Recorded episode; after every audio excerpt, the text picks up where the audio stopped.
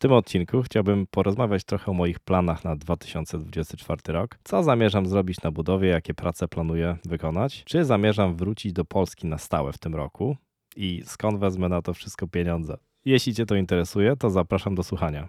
Ja mam na imię Mateusz, a to jest podcast Budowa domu na odległość, w którym opowiadam o mojej przygodzie budowy domu w Polsce, mieszkając jednocześnie za granicą. No, już jakby nie patrzeć, to połowa stycznia prawie, a ja dopiero chcę mówić o moich postanowieniach albo planach na przyszły rok. E, co niektórzy pewnie już zdążyli e, anulować swoje karnety na siłownię do tego czasu, no ale wydaje mi się, że w styczniu dalej można mówić o planach. Tak naprawdę w ogóle ciągle można mówić o planach, nie tylko w styczniu, ale początek nowego roku, a szczególnie pierwsza połowa e, pierwszego miesiąca wydaje się idealnym momentem. Jeżeli słuchasz mnie na YouTube i interesują Cię konkretne wątki, to mam nadzieję, że tym razem uda mi się w końcu zrobić te znaczniki na osi czasu, więc nie krępuj się i idź do tej części, która najbardziej Cię interesuje. Będzie mi niezmiernie jednak miło, jeżeli wysłuchasz całość. No dobra, nie przedłużając. Nie mogę zbytnio mówić o roku 2024 i o planach bez małego podsumowania dosłownie w dwóch zdaniach roku 2023 na budowie przede wszystkim, bo nie będę tutaj robił innych podsumowań. No, był to rok dosyć burzliwy. Poszło całkiem sporo kasy i mm, wszystko wygląda na to, że powiedzmy przekroczyłem 50% e, realizacji, jeżeli chodzi o, jeżeli pomyślisz sobie o, o tym, jak można procentowo ująć budowę domu, to wydaje mi się, że stan deweloperski to jest 50%, jeśli nawet nie więcej. Mm, jeżeli masz inne zdanie, no to oczywiście daj mi znać w komentarzu. Mm, więc jest być może bliżej niż dalej. E, poszło, tak jak wspominałem, całkiem sporo kasy na to wszystko. Mm, przynajmniej dla mnie sporo kasy, wiadomo, to jest pojęcie względne. E, ale tak dla przypomnienia, wydałem około 120-130 tysięcy złotych. Nie zaglądałem dokładnie do mojego Excela e, przed tym odcinkiem, także nie podam dokładnej kwoty. Jeżeli interesuje Cię, ile dokładnie wydałem na całą budowę do tego momentu, to odsyłam Cię do odcinka pod takim właśnie tytułem: Ile wydałem na budowę domu. Więc tak, jeżeli chodzi o odpowiedź na to pierwsze pytanie, co zamierzam zrobić w tym roku na budowie? No cóż, dom jest w stanie deweloperskim, także przydałoby się go wykończyć. E, słyszałem już e, niejednokrotnie, że wykończeniówka wykańcza, także szykuje się na niezłe wydatki, e, prawdopodobnie na jakąś tam batalię z wykonawcami albo jakieś co najmniej perypetie z nimi, bo nie mam tutaj zbyt wiele szczęścia, jeżeli chodzi o to. No i też uważam, że o ile będę miał szansę, no to wykonam też sporo prac samodzielnie na tej budowie, przynajmniej chciałbym. Nie chodzi tylko o to, że zaoszczędzę przy tym trochę, ale ja po prostu to lubię i wydaje mi się, że zrobię to całkiem dobrze. Mam jakieś małe takie doświadczenie, powiedzmy DIY, majsterkowania, także wiem jak przykleić na przykład płytkę ceramiczną. Także fajnie by było, jakbym mógł trochę e, sam też coś zrobić na tej budowie i to daje taką fajną satysfakcję. Chciałbym też e, zaangażować w to moją żonę, bo ona raczej nie angażowała się wcześniej e, w takie prace stricte budowlane. Mm, ona nie lubi nawet malować ścian. Kiedyś mi tak się właśnie przyznała, że nie lubi nawet malować, także chyba będzie musiała polubić. I postawiłem jej takie ultimatum, bo tutaj mamy teraz oczywiście debatę w domu, jak ten dom będzie wykończony i co sobie tam zrobimy. I jednym z tematów tej debaty było, jaką robimy podłogę. Y, ja osobiście chciałbym zrobić po prostu jednolitą podłogę w całym domu. Podoba mi się tak, uważam, że to powiększa optycznie przestrzeń, no i fajnie wygląda. Najbardziej podoba mi się oczywiście podłoga drewniana z prawdziwego dębu, ale taka podłoga jest piekielnie droga i jest trochę niepraktyczna przy małych dzieciach. Więc raczej mamy dylemat między podłogą winylową i podłogą ceramiczną, czyli z płytek. Ja jestem chyba bardziej za ceramiczną, bo lepiej przewodzi ciepło, jeżeli chodzi o ogrzewanie podłogowe i wydaje mi się trochę solidniejsza i taka bardziej naturalna i neutralna dla zdrowia. Żona nie jest do końca przekonana, jeżeli chodzi o płytkę ceramiczną, bo mówi, że będzie jej zimno w nogi. I myślę, że poza sezonem grzewczym albo w takim okresie przejściowym może tak być. Ale płytka ceramiczna no, rekompensuje to innymi zaletami. Ja szczerze mówiąc nie chcę wydawać za dużo na e, urządzenie tego domu. Jest parę powodów. Uważam, że można wydać pieniądze na lepsze rzeczy, na przykład, żeby gdzieś pojechać, bo już dawno nie byłem na jakichś normalnych, porządnych wakacjach, także wolałbym mieć chyba gorszą podłogę i wakacje. Nie wiem, może jestem nienormalny, ale tak mi się już teraz wydaje. Jeszcze parę lat temu bym powiedział zupełnie odwrotnie. No cóż, ale jeżeli chodzi o tą podłogę, to tutaj jest właśnie debata. Ja bym położył zwykłe jakieś tam powiedzmy płytki, prawie że takie jak w kotłowni. Mogą być nawet takie same, nie przeszkadzają mi jakieś tam imitacja betonu. Żona uparła się, że chce taką imitację mm, parkietu, żeby niby były ułożone wiodełka i tak dalej. Tylko tak, te płytki są bardzo drogie, one są droższe dwukrotnie albo nawet trzykrotnie od tych imitujących beton. I położenie takich płytek przez majstra będzie kosztowało fortunę. E, takie zwykłe płytki 60 na 60 w moim rejonie 120 mm, za metr w górę. Mm, a jeżeli chodzi o takie płytki a la parkiet, to podejrzewam, że dwie stówy. Także to, to jak się ma wyłożyć 120, 130 albo więcej metrów, tego to się robią konkretne pieniądze. Więc mamy układ taki, że jeżeli chce taką podłogę, to będzie musiała mi pomóc i ułożymy, ułożymy ją sami. Także mm, jeszcze nie jest przesądzone, czy będzie parkiet, czy nie. Więc trudno. Jeżeli chce parkiet, to będzie musiała się trochę poświęcić. No ale cóż, ja też się poświęcałem, też wydłubywałem zaprawę z nosa, jak coś tam mieszałem ją na budowie, więc myślę, że krzywdy tutaj jakiejś wielkiej nie będzie. Będzie już w domu ciepło, mm, więc to sama przyjemność w takim nowym domu układać płytki, tak przynajmniej mi się wydaje. Nie miałem do tej pory okazji układania płytek na nowej powierzchni, takiej pięknej, więc myślę, że to jest y, po prostu miłe doświadczenie, kiedy można przejechać tylko grzebieniem mm, i przyklejać płytkę i się nie martwić, że jest coś krzywe, albo nie trzeba skuwać jakichś starych kafelek i tak dalej, tak jak miałem to przyjemność do tej pory robić.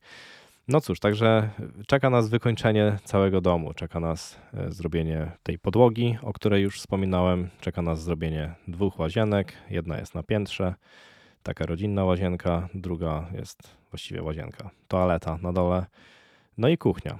No a do tego oczywiście gładzie, drzwi wewnętrzne, schody, to też będzie niezły wydatek pewnie, ale tutaj też zamierzam to zrobić sam. Już mam trochę doświadczenia w tym. Robiłem schody takie sobie w Anglii, e, czyli zdarłem ten tutaj angielski, e, tę angielską wykładzinę i obłożyłem to drewnem. Mam zamiar wykonać podobne schody w Polsce, bo tam są schody zrobione z betonu mm, na chwilę obecną, więc po prostu chcę je obłożyć drewnem.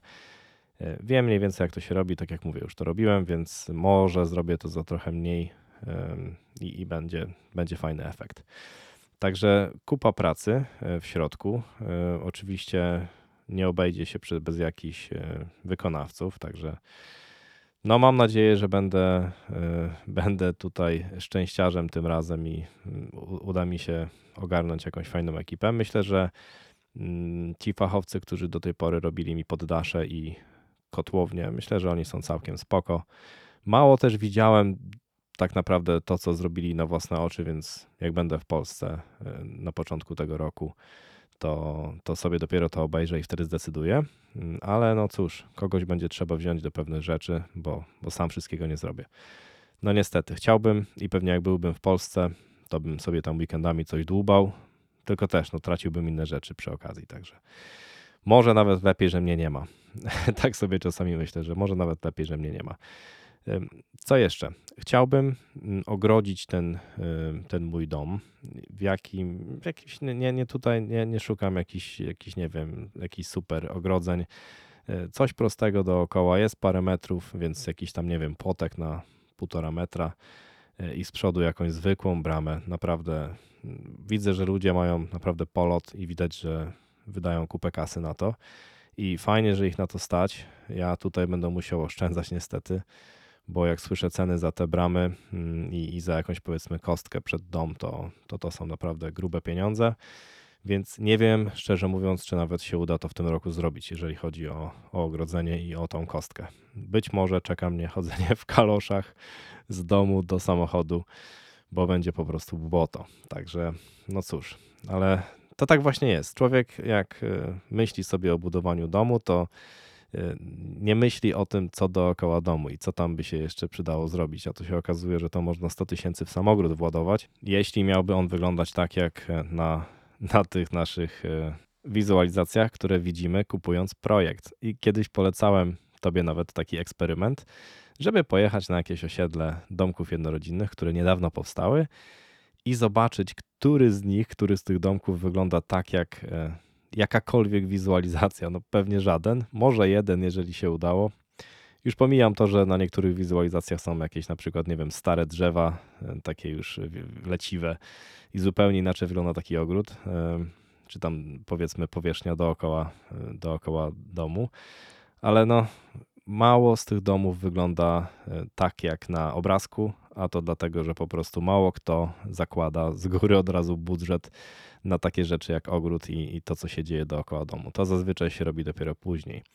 Także ja też mam, mm, też mam zamiar zrobić to dopiero później. Też nie wiem dokładnie, kiedy zrobię mm, taką ostateczną elewację. Na razie to jest y, siatka i klej. I tak jeszcze pewnie przez jakiś czas niestety pozostanie, bo zawsze znajdzie się coś bardziej istotnego, ważniejszego do zrobienia niż, niż akurat elewacja na budynku. Dzisiaj nawet rozmawiałem na ten temat z moją żoną i pytałem ją, jakie pomieszczenie w tym nowym domu najbardziej ją interesuje i z jakiego najbardziej się cieszy.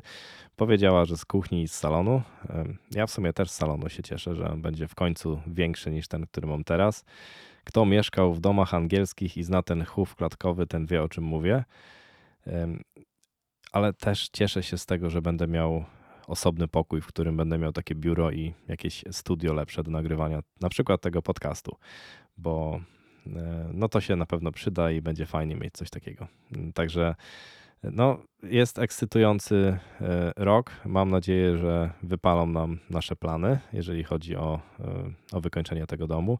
Żona jest zaangażowana teraz w aranżację kuchni, także ma swoje zajawki. Ja tam się nie będę w to wtrącał, to jest jej sprawa. Ja tylko ewentualnie mogę ocenić aspekt techniczny, bo jak była rozkładana elektryka, to na przykład nie powiedziała mi, że chce mieć to tam, to teraz pewnie mi powie, że chce mieć wyspę na środku i tam ma być prąd, którego nie ma. I raczej nie będzie, także ciężko będzie z tym. No, ale wydaje mi się, że jak to wszystko jakoś rozsądnie zepnę, nie będziemy szaleć przy tym wykończeniu, bo wiadomo, można tutaj, tutaj nie ma limitu, jeżeli chodzi o wydatki, można wykończyć dom za 2 miliony złotych pewnie, takiego metrażu jak mój, jeżeli polecimy w jakieś bardzo drogie materiały, także, mm, także cóż, no niestety albo stety będzie to zrobione po prostu na delikatnym budżecie, ale nie spinam się za mocno. Może te 10 lat w Anglii też wpłynęło trochę na moją psychikę, żeby aż tak e, nie inwestować w to, jak dom wygląda w środku.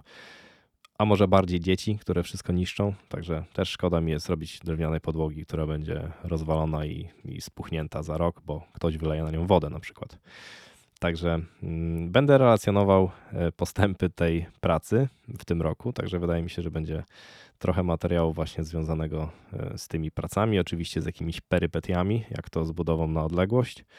No i nie tylko, mm, ale no, takie są plany. Także plany są ambitne, jest zaplanowane do wydania e, sporo kasy i będziemy robić praktycznie cały rok. Także, także fajnie, jestem podekscytowany. Także no cóż, trzymajcie za mnie kciuki. Dobra, teraz ten e, drugi temat. I on jest, no to jest trudny temat. To jest trudny temat i nie wiem, czy będę w stanie udzielić jakiejś jednoznacznej odpowiedzi tutaj, ale taki największy czynnik, jaki teraz jest w mojej głowie, to jest ta, powiedzmy sobie, delikatnie niestabilna sytuacja geopolityczna wokół Polski, która może niestety przysporzyć Polakom trochę stresu y, w, kolejnych miesiącach, latach. Także to jest tylko w mojej głowie. Naprawdę nie interesują mnie za bardzo inne rzeczy nie boję się i nie myślę w ogóle nawet o tym, czy będę w stanie się w Polsce jakoś utrzymać, czy będę miał jakąś pracę.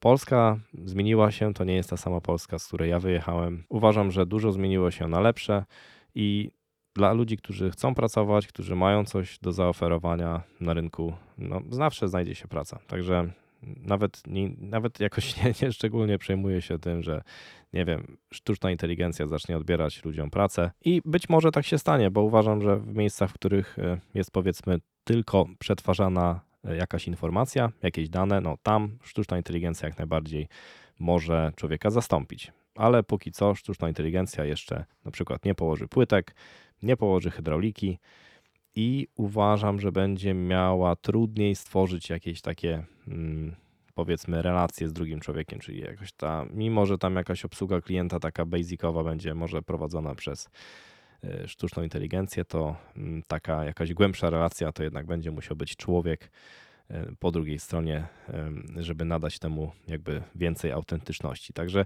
no niektórzy ludzie po prostu, którzy pracują teraz w biurze i przekładają papierki z jednej kubki na drugą, będą musieli wziąć się za jakąś inną robotę. Być może będą musieli zostać hydraulikami albo ślusarzami, których brakuje na rynku. Także może nawet wyjść to nam wszystkim na dobre. Ja, mm, ja mocno w to wierzę. Także nie boję się tego, że nie znajdę jakiejś pracy, bo uważam, że tutaj jest, jest całkiem dobrze w Polsce z tym e, i mój region polski też no nie jest jakby najgorszy pod tym względem. Mm, ten, w którym, ten region, w którym buduję ten dom. Jeżeli chodzi o jakieś tam wewnętrzne zawieruchy w Polsce, w ogóle mnie to nie interesuje.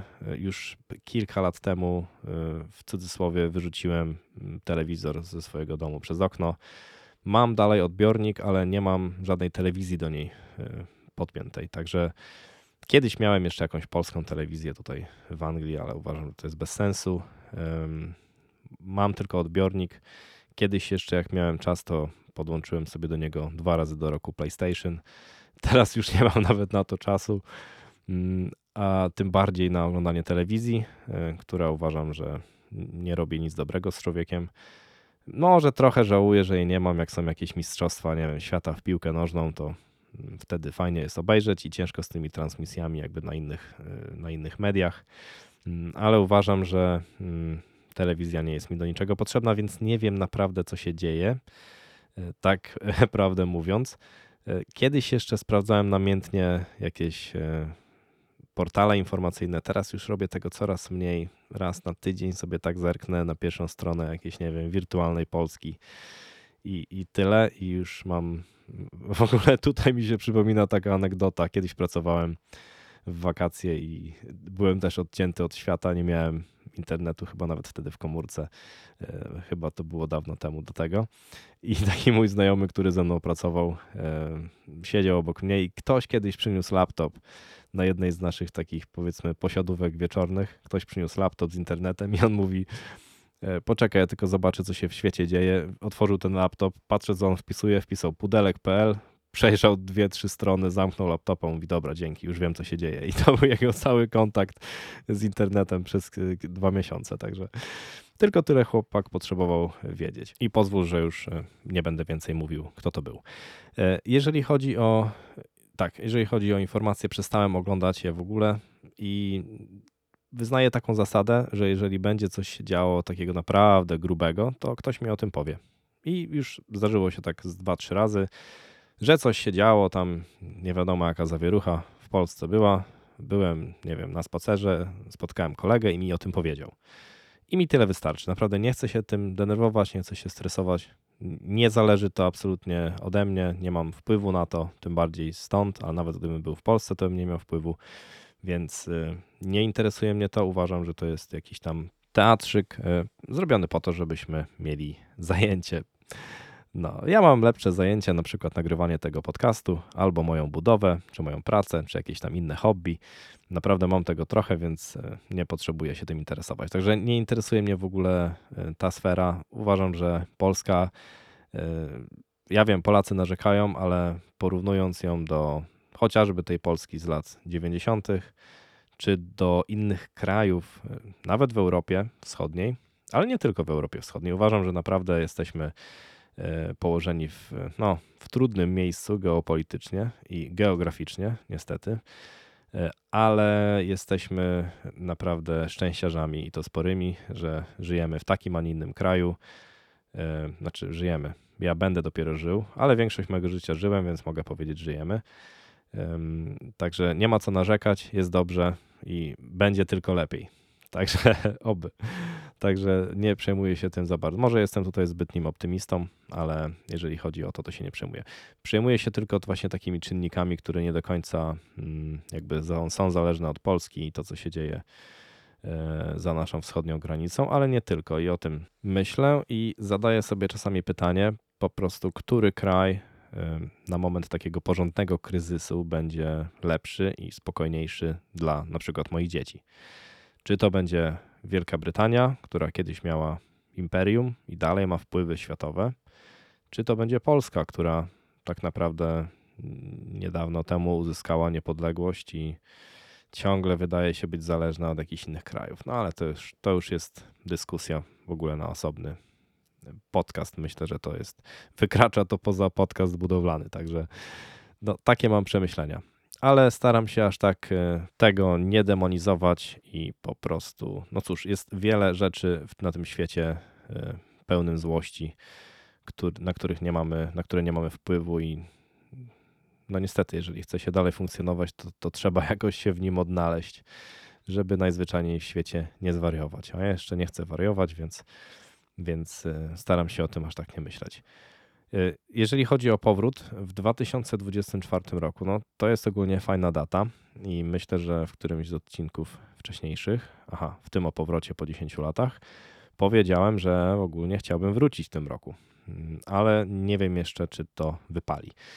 Na pewno chciałbym i myślę, że to jest możliwe, żeby mm, być już tam w Polsce na święta, chociaż je tam przeżyć. Także może zaprosić rodzinę i zrobić pierwsze święta łamane na parapetówkę w nowym domu. Jeżeli będzie wykończony, to wydaje mi się, że to jest możliwe.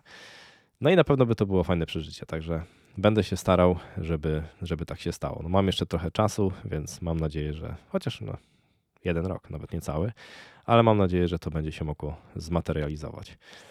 Także no cóż, nie jestem na 100% przekonany co do tego powrotu. Zobaczymy, co się będzie działo. Ludzie mówią niektórzy, że w 2024 roku mogą się dać, dziać różne rzeczy. No, e, mam nadzieję, że co najmniej jedna rzecz się wydarzy, czyli Mateusz e, wykończy dom. Także to już tyle lat trwa ta budowa. E, na pewno byłoby miło nawet tak psychicznie dokończyć pewien ten etap, ale no cóż, ja sobie pewnie znajdę zaraz jakiś, jakąś inną zajawkę, żeby się nie nudzić i żeby nie popaść w jakąś deprechę. Także no, tyle jeżeli chodzi o plany powrotu do Polski. E, jeżeli ty planujesz powrót do Polski mm, w tym roku, to napisz w komentarzu, jak ty się na to zapatrujesz i czy decyzja już podjęta. E, jestem na grupie na Facebooku, w której ludzie wrzucają zdjęcia ostatnich kaw, ostatnich e, posiłków, śniadań i tak dalej w Wielkiej Brytanii miło na to popatrzeć i e, zazdroszczę z jednej strony tym ludziom, że już się uwalniają z tego, z tego tutaj tematu. No nikt mnie tu na siłę nie trzyma, więc nie mogę powiedzieć w sumie uwalniają się, ale no, ma czasami człowiek taką ochotę po prostu stąd wyjechać. Mm, ale z drugiej strony tak się zastanawiam, co tam ich czeka, jak sobie poradzą. No zawsze tak będzie i ja też tak myślałem kiedyś, jak wyjeżdżałem do Wielkiej Brytanii. Myślałem sobie, co mnie tam czeka. Także to jest normalne. Boimy się tego, czego nie znamy. No ale oczywiście życzę im powodzenia tym wszystkim ludziom. Jeżeli ty wybierasz się w tym roku do Polski, to trzymam za ciebie kciuki. I na koniec ostatni temat, e, o którym wspominałem na początku tego odcinka, czyli skąd na to wszystko wezmę pieniądze. Czyli jak zamierzam finansować ten ostatni etap budowy.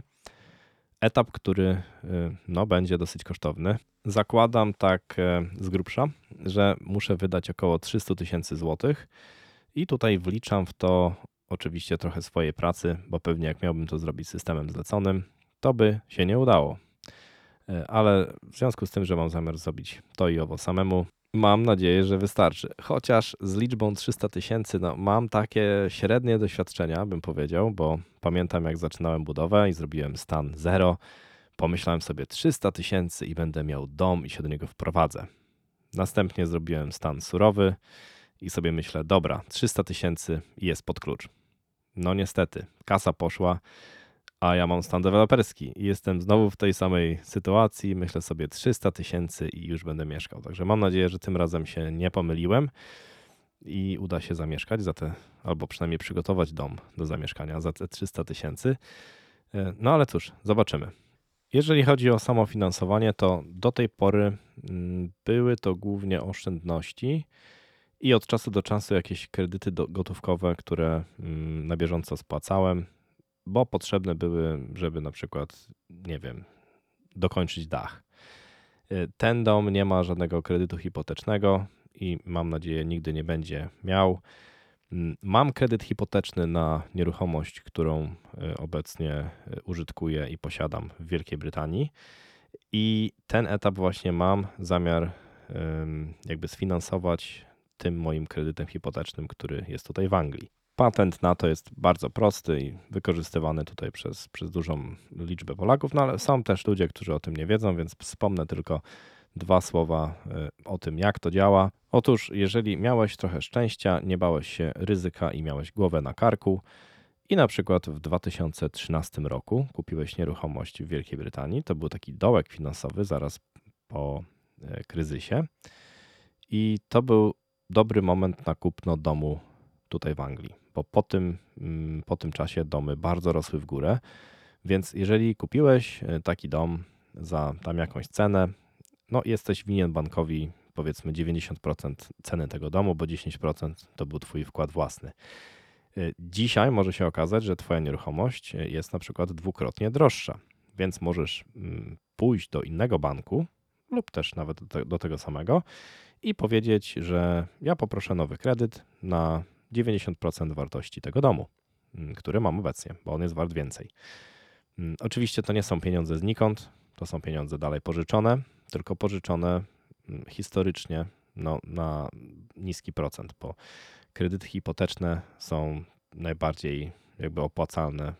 Wiadomo, no jeżeli mamy jakiś kredyt gotówkowy albo jakąś kartę kredytową, no to są zupełnie inne oprocentowania. Kredyt hipoteczny mówię historycznie, bo teraz e, stopy procentowe są trochę droższe, ale i tak są dosyć niskie tak naprawdę, jak spojrzymy na, na to, ile one wynosiły na przestrzeni lat, no to mm, okazuje się, że można mieć tak naprawdę tani pieniądz, który można zainwestować. Można to oczywiście wydać na głupoty, można, można wydać to na wycieczki dookoła świata, ale można, tak jak dużo Polaków zrobiło, na przykład kupić nieruchomość tutaj w Anglii, i wynająć ją i robić sobie powoli takie portfolio mm, nieruchomości. Albo tak jak ja, na przykład można to wydać na budowę domu lub na jej dokończenie. Także temat jest na pewno wart uwagi, bo w pewnym sensie nie tracąc nieruchomości, dalej ją posiadając, wiadomo, płacąc troszeczkę wyższą ratę, możemy uwolnić środki na to, żeby zrealizować nasze marzenia w Polsce. Marzenia na przykład o budowie domu, albo marzenia o wykończeniu domu, tak jak w moim przypadku. Także to jest y, główne źródło finansowania tego etapu, który planuję. Nie wiem, czy akurat to będzie taka kwota, którą uzyskam, bo to zależy od tego, na ile mój dom zostanie wyceniony, mm, ale myślę, że tą brakującą kwotę po prostu sobie jakoś dozbieram. Także mm, no, zapowiada się całkiem ciekawie.